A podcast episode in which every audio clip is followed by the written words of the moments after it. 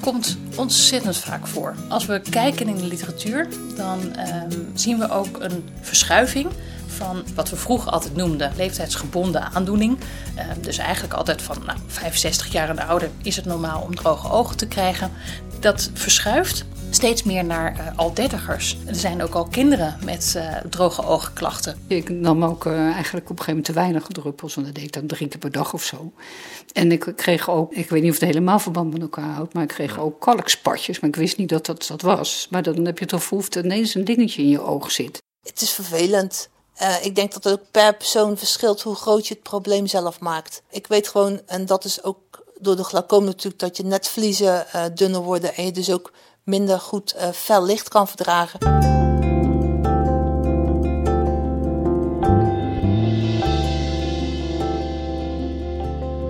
Welkom bij deze een en al oog podcast van de Oogvereniging.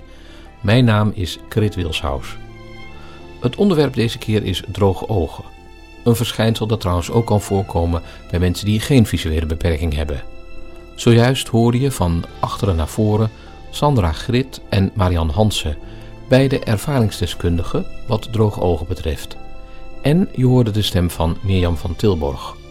Zij is optometrist en gespecialiseerd in de behandeling van droge ogen. Voor we verder gaan doen we eerst even een voorstelrondje. Nou, mijn naam is Mirjam van Tilborg. Um, ik ben optometrist en ik ben al sinds 1996 gespecialiseerd in, uh, in droge ogen.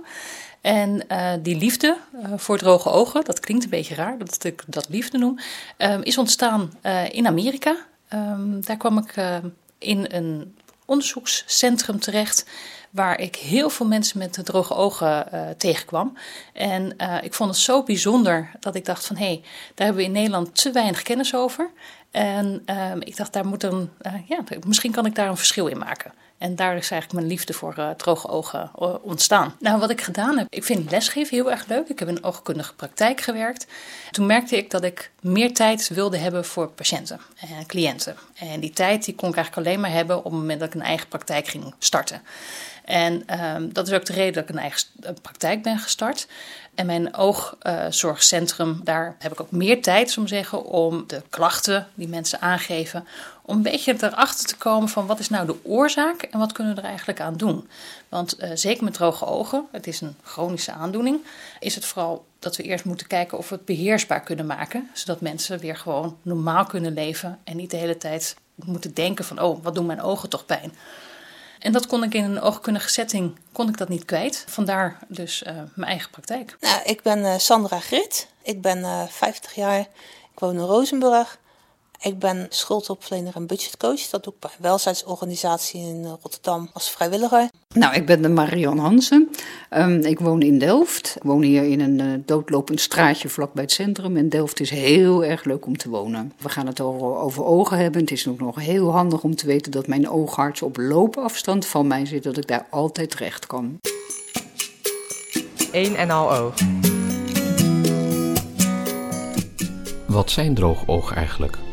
Je hoort Mirjam van Tilborg. Droge oog is eigenlijk een uh, verzamelnaam van allerlei verschillende klachten die mensen kunnen aangeven. Dat is het gevoel van droge ogen hebben, maar ook pijnlijke ogen, branderig, geïrriteerd, uh, tot jeukend.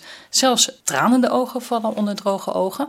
En de oorzaak is vaak dat de traanfilm die we aanmaken, dat die niet van een goede kwaliteit is. Uh, dus of de waterige laag is niet goed, of de vetlaag die er bovenop zit, of de tranen blijven niet goed plakken op de oog. En dat betekent dat de slijmlaag niet uh, voldoende werkt.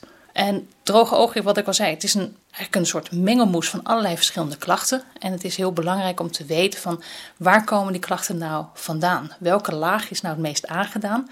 Um, omdat daar ook therapie, dus kunsttranen of andere behandelmethoden, daarop specifiek ingezet moeten worden.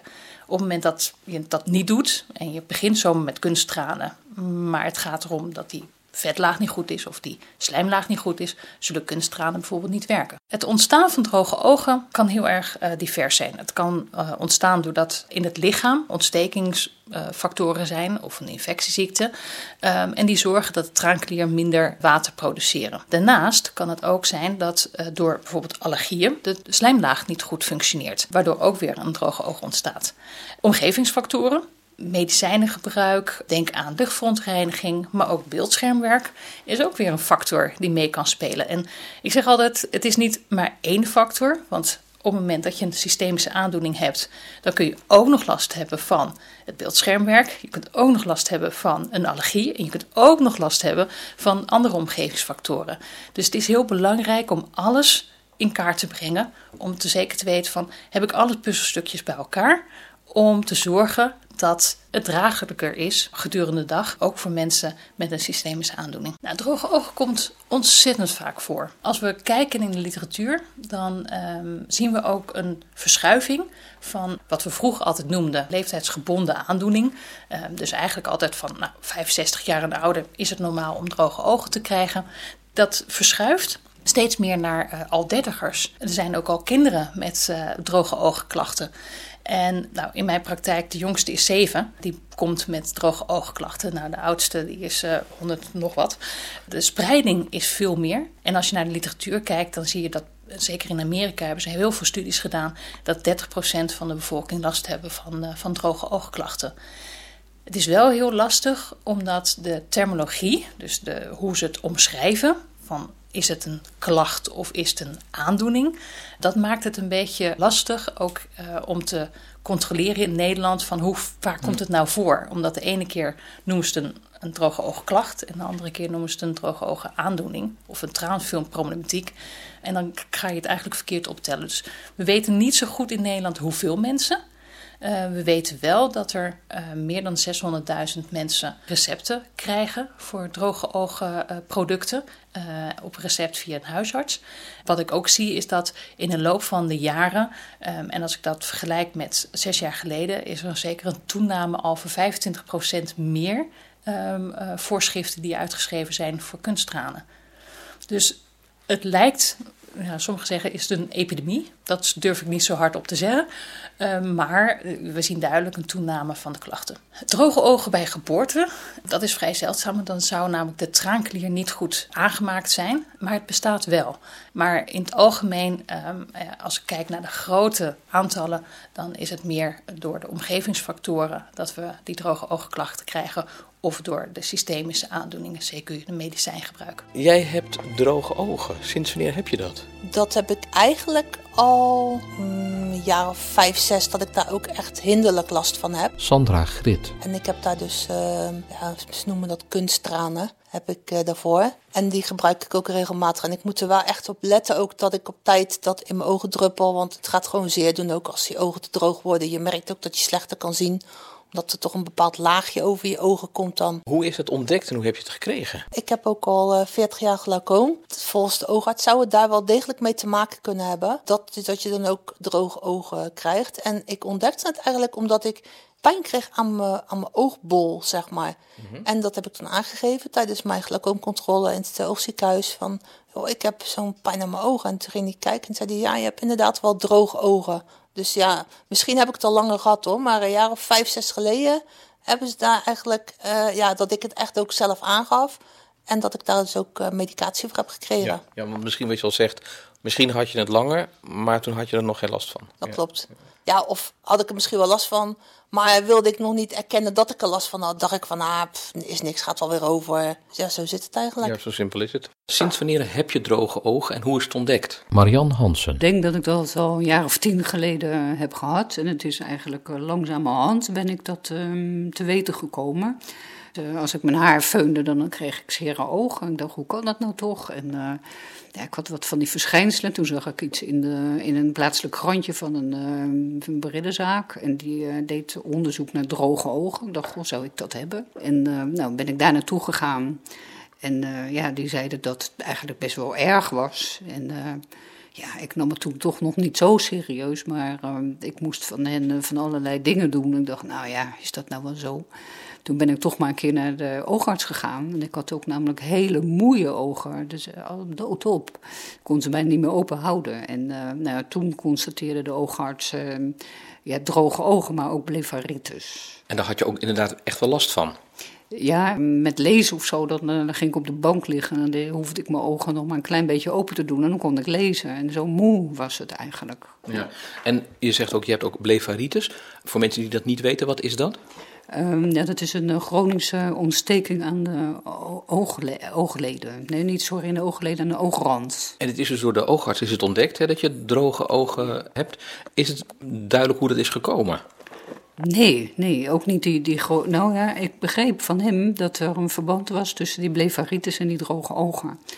En uh, dus dat het een het gevolg was van het ander. Dus de droge oog het gevolg van de blefaritis. Dat heb ik van hem begrepen.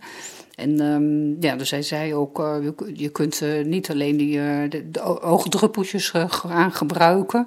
Maar het zou ook belangrijk zijn om die oogklieren, die traanklieren wat te stimuleren. En dat, ja, dat heb ik dan gedaan. Ja.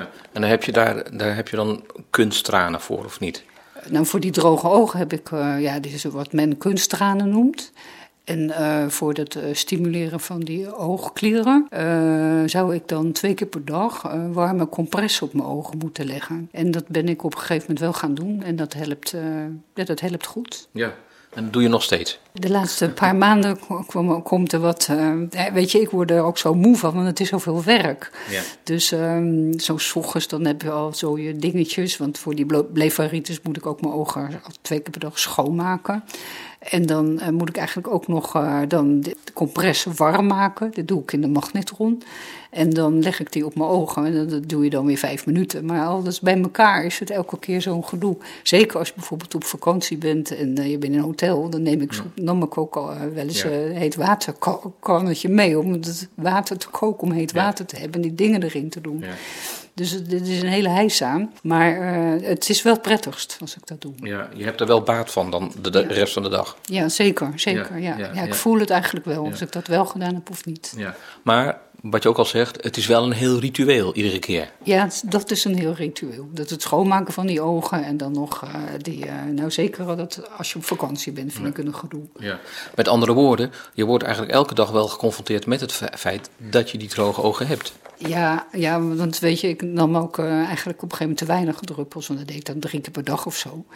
En ik kreeg ook, ik weet niet of het helemaal verband met elkaar houdt, maar ik kreeg ja. ook kalkspatjes. Maar ik wist niet dat dat dat was. Maar dan heb je toch gevoeld dat ineens een dingetje in je oog zit. Ja. En dat bleef soms twee, drie dagen zitten. Maar sinds ik dan, dan toen ben ik op een gegeven moment weer naar die oogarts gaan een paar keer. En die haalden ze er ook uit en zo. Mm -hmm. Is heel naar, want dat ze twee, drie dagen iets in je oog hebben. Ja. Hij zei dat ik er wel heel veel had. Maar toen op een gegeven moment zei hij: ja, Je hebt wel een heel droog oog, je moet meer gebruiken. Dus nu doe ik het uh, vier tot vijf keer per dag, die, uh, die ogen druppelen. Ja. En nu heb ik ook geen last meer van die kalkspatjes. En ik let heel goed op dat ik dus bijvoorbeeld, als ik mijn haar feun, dat ik niet op mijn ogen richt. Of ja. dat ik eerst mijn ogen gedruppeld heb. Ja. Of in de auto, de airco, dat het niet op mijn gezicht nee. uh, blaast. Want daar, daar krijg ik allemaal last van. Ja, dus ook als je in een auto zit en het raam staat open, liever niet? Nou, het raam kan wel open, maar ik doe dan met de airco, maar dan moet ik hem zo zetten dat, die, dat het middelste zet ik meestal uit. Want ja. dat blaast heel snel op je ogen. Ja, ja, ja. Dus je moet, je moet wel goed opletten. Ja. Een en al oog. En deze keer gaat het over droge ogen. Je hoort nu opnieuw Mirjam van Tilborg over een verschijnsel dat zeker ook te maken heeft of gerelateerd is aan droge ogen. Het gaat namelijk om. Computerogen, dat uh, is wel een beetje een soort uh, begrip aan het worden. Van ik heb last van uh, met het kijken met het beeldscherm. En dat is een steeds groter probleem. We zien het eigenlijk al met de komst van de smartphone. Um, nou ja, ik zeg altijd maar, als je in een trein kijkt en je kijkt om je heen, dan zie je iedereen op zo'n smartphone al kijken. En dan zie je ook dat ze die smartphone heel dichtbij houden. Er zijn maar weinig mensen die smartphone ver weg houden. Dus we houden hem relatief dichtbij en dat heeft met het vergrotingseffect te maken. Maar daardoor gaan we ook minder knipperen. Die concentratie en het, eigenlijk het, het moeilijkste wat we kunnen doen is beeldschermwerk met onze ogen. Uh, die concentratie zorgt ervoor dat we ook geen pijn voelen op dat moment. Dus we kunnen het eigenlijk een hele tijd volhouden. En um, heel veel mensen die achter een computer werken of met beeldschermen werken, die zeggen ook van ja. Um, gedurende de dag gaat het goed, maar s'avonds heb ik zo'n last van mijn ogen. En het is een soort van opbouw van pijnsensatie. Die eigenlijk tegengehouden wordt in, uh, in, de, in de hersenen. Uh, totdat we stoppen met het werken van, met, uh, achter de beeldscherm. En dan voelen we ineens van, hé, hey, ik heb last van mijn ogen. Of hé, hey, ik moet wel eventjes goed knipperen. Of mm, het voelt wel erg branderig aan. En dat is op het moment dat we die concentratie weghalen en eigenlijk weer gewoon dat oog gaan verversen. Maar dan is eigenlijk dat al het kwaad al geschiet. Dus die verdroging die ontstaat gedurende de dag. Dus ja, computerogen bestaan. Helaas zie je ook steeds meer dat uh, kinderen op jonge leeftijd al met smartphones gaan werken, uh, tablets op scholen. En uh, we hebben daar geen goed beleid op, geen goed zicht ook. Inzicht eigenlijk in van wat het nou precies doet met die ogen. Wat ik heel erg in mijn praktijk zelf merk, is dat ik veel gamers, jonge gasten die gedurende de nacht uh, achter dat ze die game uh, zitten. Uh, op de dag zitten ze achter die iPad op school. En dat ze daardoor echt al ja, een traanfilmkwaliteit hebben die je bij een 65-jarige zou verwachten. En dan zijn ze 18, 19. Dus dat beeldscherm en het kijken naar een elektronisch schermpje um, heeft degelijk invloed op de kwaliteit van ons traanlaag. Wanneer er klachten zijn met, uh, met beeldschermwerk, er zijn er eigenlijk een aantal dingen die uh, gedaan moeten worden. Eén ding is heel belangrijk: zorg altijd voor je, de juiste sterkte. Uh, want op het moment dat we de ogen te veel moeten inspannen voor nabijkijken of nabijwerk, en ook voor de computerafstand, zullen we dan ook minder gaan knipperen. Dus eigenlijk een goede correctie is heel erg bepalend. Dat noemen we dan astenopenklachten. Dat zijn eigenlijk hoofdpijnklachten, droge oogklachten. Die kunnen echt veroorzaakt worden door een verkeerde brilsterkte of het niet dragen van een brilsterkte. Uh, daarnaast is het belangrijk om, uh, wanneer er klachten ontstaan, om zo vroeg mogelijk al erbij te zijn. Omdat als die bijvoorbeeld die meiboomklieren niet zo goed gaan functioneren, dan is het met een hele kleine truc door ze te verwarmen met een bepaalde warmtecompressie die 10 minuten op de ogen per dag, om ze eigenlijk alweer functioneel te, te laten worden. Um, dus eigenlijk vroegtijdig, um, dus snel op het moment dat er klachten zijn, eigenlijk contact opnemen uh, met, met de optometrist of met de huisarts, om in ieder geval aan te geven goh, dat die klachten er zijn. En een van de eerste klachten die mensen altijd wel uh, aangeven, is dat ze zeggen van hé, hey, ik kan mijn lenzen niet meer dragen op mijn werk.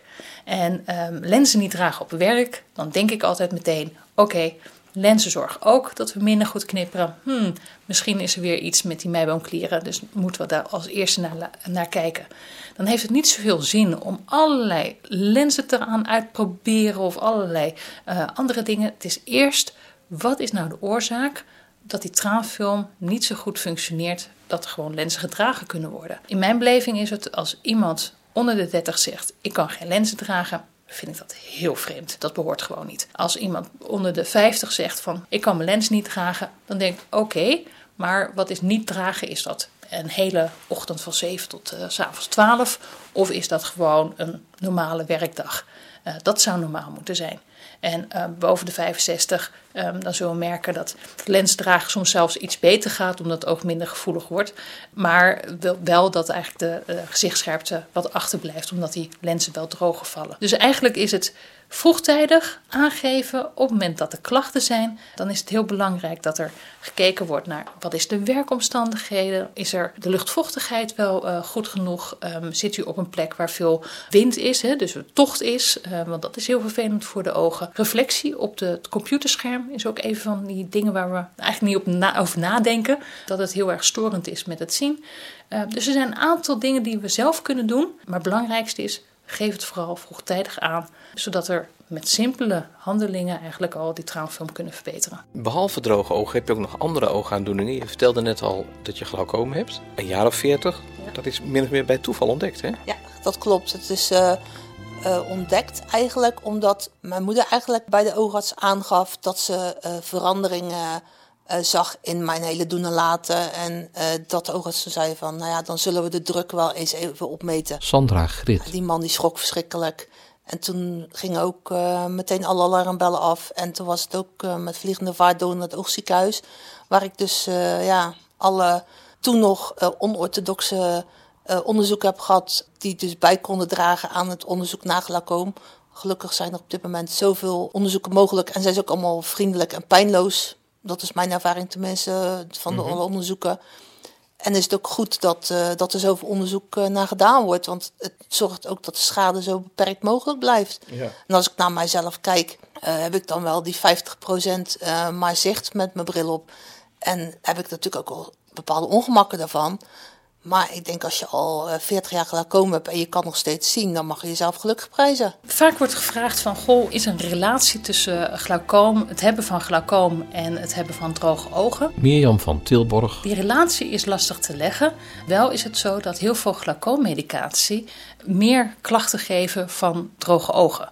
En dat heeft te maken met de conserveringsmiddelen die in de producten zitten, die gebruikt moeten worden tegen glaucoom. En uh, die conserveringsmiddel die geeft echt een minder stabiele traanfilm.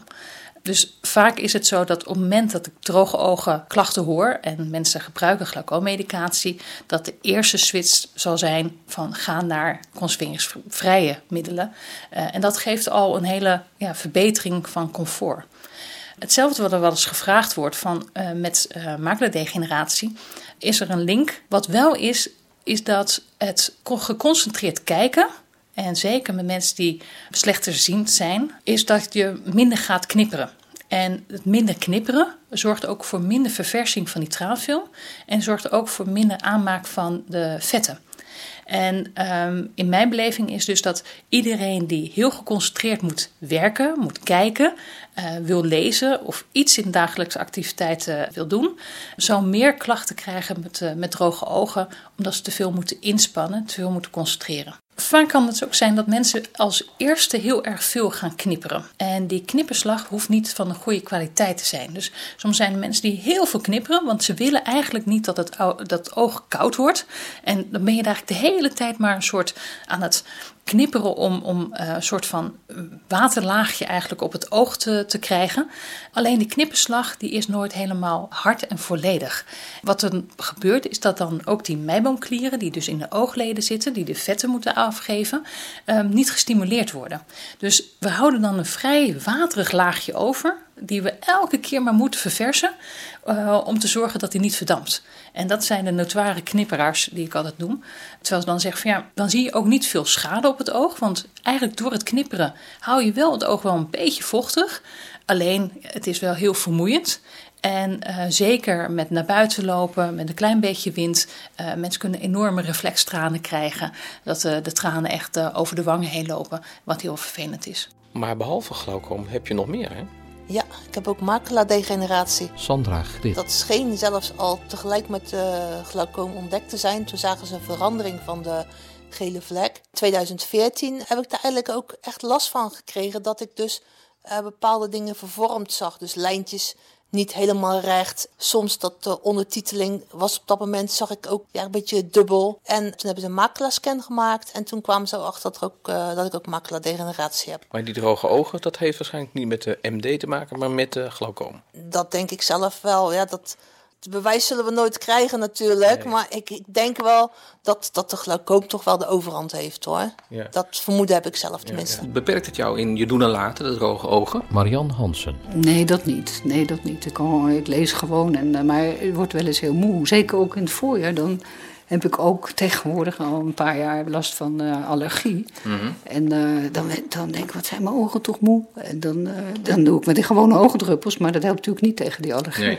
Dus dan heb je weer iets nodig voor de allergie. Ja. En ja, dan blijf je druppelen eigenlijk. Ja, ja dan, dan, blijf je in de gang. Maar ben je dan ook alert erop als je iets merkt aan je ogen bijvoorbeeld? Van, nou, dit zou wel eens iets mee te maken hebben. Hup naar de oogarts of... Um, nee, ik ben, zo, ik ben eigenlijk in het uh, begin van die droge ogen, of dan was ik wat vaker bij die oogarts, ook omdat ik het niet allemaal wist wat het, uh, wat het was, of dat het er iets mee te maken had of zo. En, uh, en nu kom ik eigenlijk nooit meer. En als ik nog. Ik, ik, moet gewoon veel druppelen. Maar meestal denk ik eraan. Of dan doe ik het zo'n beetje tijdens lunch. Ja. Maar als ik dan met, weer met iemand zit te eten of zo. Ergens in een restaurant. denk ik, oh jee, mijn ogen. Ja. En dan. Uh, nou, soms doe ik het dan maar gewoon aan tafel. En de andere ja, keer dan ga ik even naar het toilet of zo. Maar dat zijn van die. Of als ik uh, net de deur uitga. denk ik, oh ja, ik heb mijn ogen nog niet gedruppeld. Dus het, het zit bij mij niet zo in mijn systeem. dat ik nee. precies om de vier uur mijn ogen druppel nee, of nee, zo. Dat niet, dat niet. Maar je slaat het niet over. Nee, zeker niet, want dat, nee. uh, daar heb ik alleen mezelf mee. Een en al oog. Tot slot hebben Marjan Hansen, Sandra Grit en Mirjam van Tilborg nog wat tips voor wie last heeft van droge ogen. Nou, ik denk dat vooral dat uh, regelmatig druppelen goed is. En uh, ja, misschien ook wel die warme compressen. Nou, even langs de huisdokter, want die mag ook die, die kunsttranen voorschrijven. Of uh, even bij de opticien het laten checken. Ja. Ik denk dat dat nog het verstandigste is bij de opticien. Die kan dat natuurlijk gauw genoeg checken. Ja. En indien nodig, ja, de oogarts, als je toch al in het oogziekenhuis of bij je eigen oogarts loopt, ja, geef het even aan. Ja die kunsttranen ja, die zijn uh, gewoon op recept verkrijgbaar. En dan uh, is het geregeld. Kijk, je hebt natuurlijk ook wel in, bij de drogist en zo allerlei uh, spulletjes voor droge ogen. Mm -hmm. Maar ja, ik heb toch liever gewoon dat, dat ik gewoon van de oogarts iets goeds voorgeschreven ja. krijg. Ja. Als dat ik allerlei geld moet spenderen. Ja. ja. je moet me niet gaan experimenteren met je ogen, hè? Nee, nee, nee. Je hebt er maar twee, hè. Dus uh, je moet wel zuinig zijn op je ogen, inderdaad. Nou, het is belangrijk om uh, te kijken in de omgeving of daar een uh, optometrist aanwezig is. een optometrist kan heel goed in kaart brengen hoe de traanfilm is, um, hoe, welke laag goed functioneert of niet functioneert. En kijk natuurlijk ook naar de rest van de gezondheid, dus ook naar de brilsterkte, uh, of de samenwerking van de ogen goed is. En zo de juiste adviezen geven voor de omgeving, voor het computerwerk, verlichting. Uh, nou, noem eigenlijk allemaal op. En het is belangrijk om alles bij elkaar te hebben. Dus en die adviezen van, goh, wat kan ik tegen mijn droge ogen doen? Maar ook, wat kan ik zelf aan mijn omgeving veranderen, waardoor ik minder droge ogen uh, krijg. Nou, een optometrist is uh, vrij toegankelijk. Um, dat wil zeggen, ze zijn vaak uh, dicht in de buurt. Die kunnen in bepaalde optiekbedrijven zijn, maar vraag er wel naar. Want vaak hebben ze geen bordje op van ik ben optometrist. En we hebben opticiens, we hebben contactlensspecialisten. Dus we hebben eigenlijk best wel veel verschillende mensen rondlopen in, in, in, in, zaken. Dus vraag gewoon naar een optometrist. Dan weet je in ieder geval dat ze goed naar de traanfilm en kunnen kijken. En ook de juiste behandelingen kunnen adviseren. Die dat is natuurlijk altijd wel een beetje een. Uh, ja, als we op internet kijken, dan uh, zie je ontzettend veel verschillende uh, behandelingen. Aantal die echt niet evidence zijn, um, met regendruppels in de ogen laten vallen en dan zijn we van onze droge ogen af. Daar geloof ik allemaal niet zo in. Maar er is ook veel onzin op internet over de behandeling van droge ogen. Dus het is goed om een goede voorlichting te krijgen. En ook te voelen van, goh, wat wil ik er zelf mee doen? Want ik zeg altijd tegen mijn cliënten van, ik geef u huiswerk mee. Als u dat huiswerk gaat doen met uw ogen, dan uh, zult u merken dat het een verbetering geeft. Maar dat huiswerk dat moet wel inpasbaar kunnen zijn in dagelijks leven. En we moeten ook heel goed kijken van, goh, wil iedereen dat wel? En uh, wat is dan noodzakelijk? Hebben we een zalfje nodig? Hebben we een druppeltje nodig? Mijn beleving is dat je eerst zorgt dat de grootste pijnklachten verminderen. En vanuit daar gaat kijken van, goh, wat is minimaal nodig voor het maximaal uh, effect? En ik denk dat dat heel belangrijk is. Niet zomaar allerlei druppels in de ogen stoppen. Want juist te veel druppelen uh, kan soms ook weer irritatie geven. En dan zijn we er een soort, ja, ik noem dat de labello-effect, dan zijn we er een soort aan gewend. Als je eenmaal begint met labello uh, smeren op de lippen, dan heb je na een uurtje denk je, denk nou, dan kan weer een nieuw laagje op. En zo kan het ook ontstaan op het moment dat we eigenlijk te veel druppels gebruiken die niet noodzakelijk zijn geweest om te gebruiken.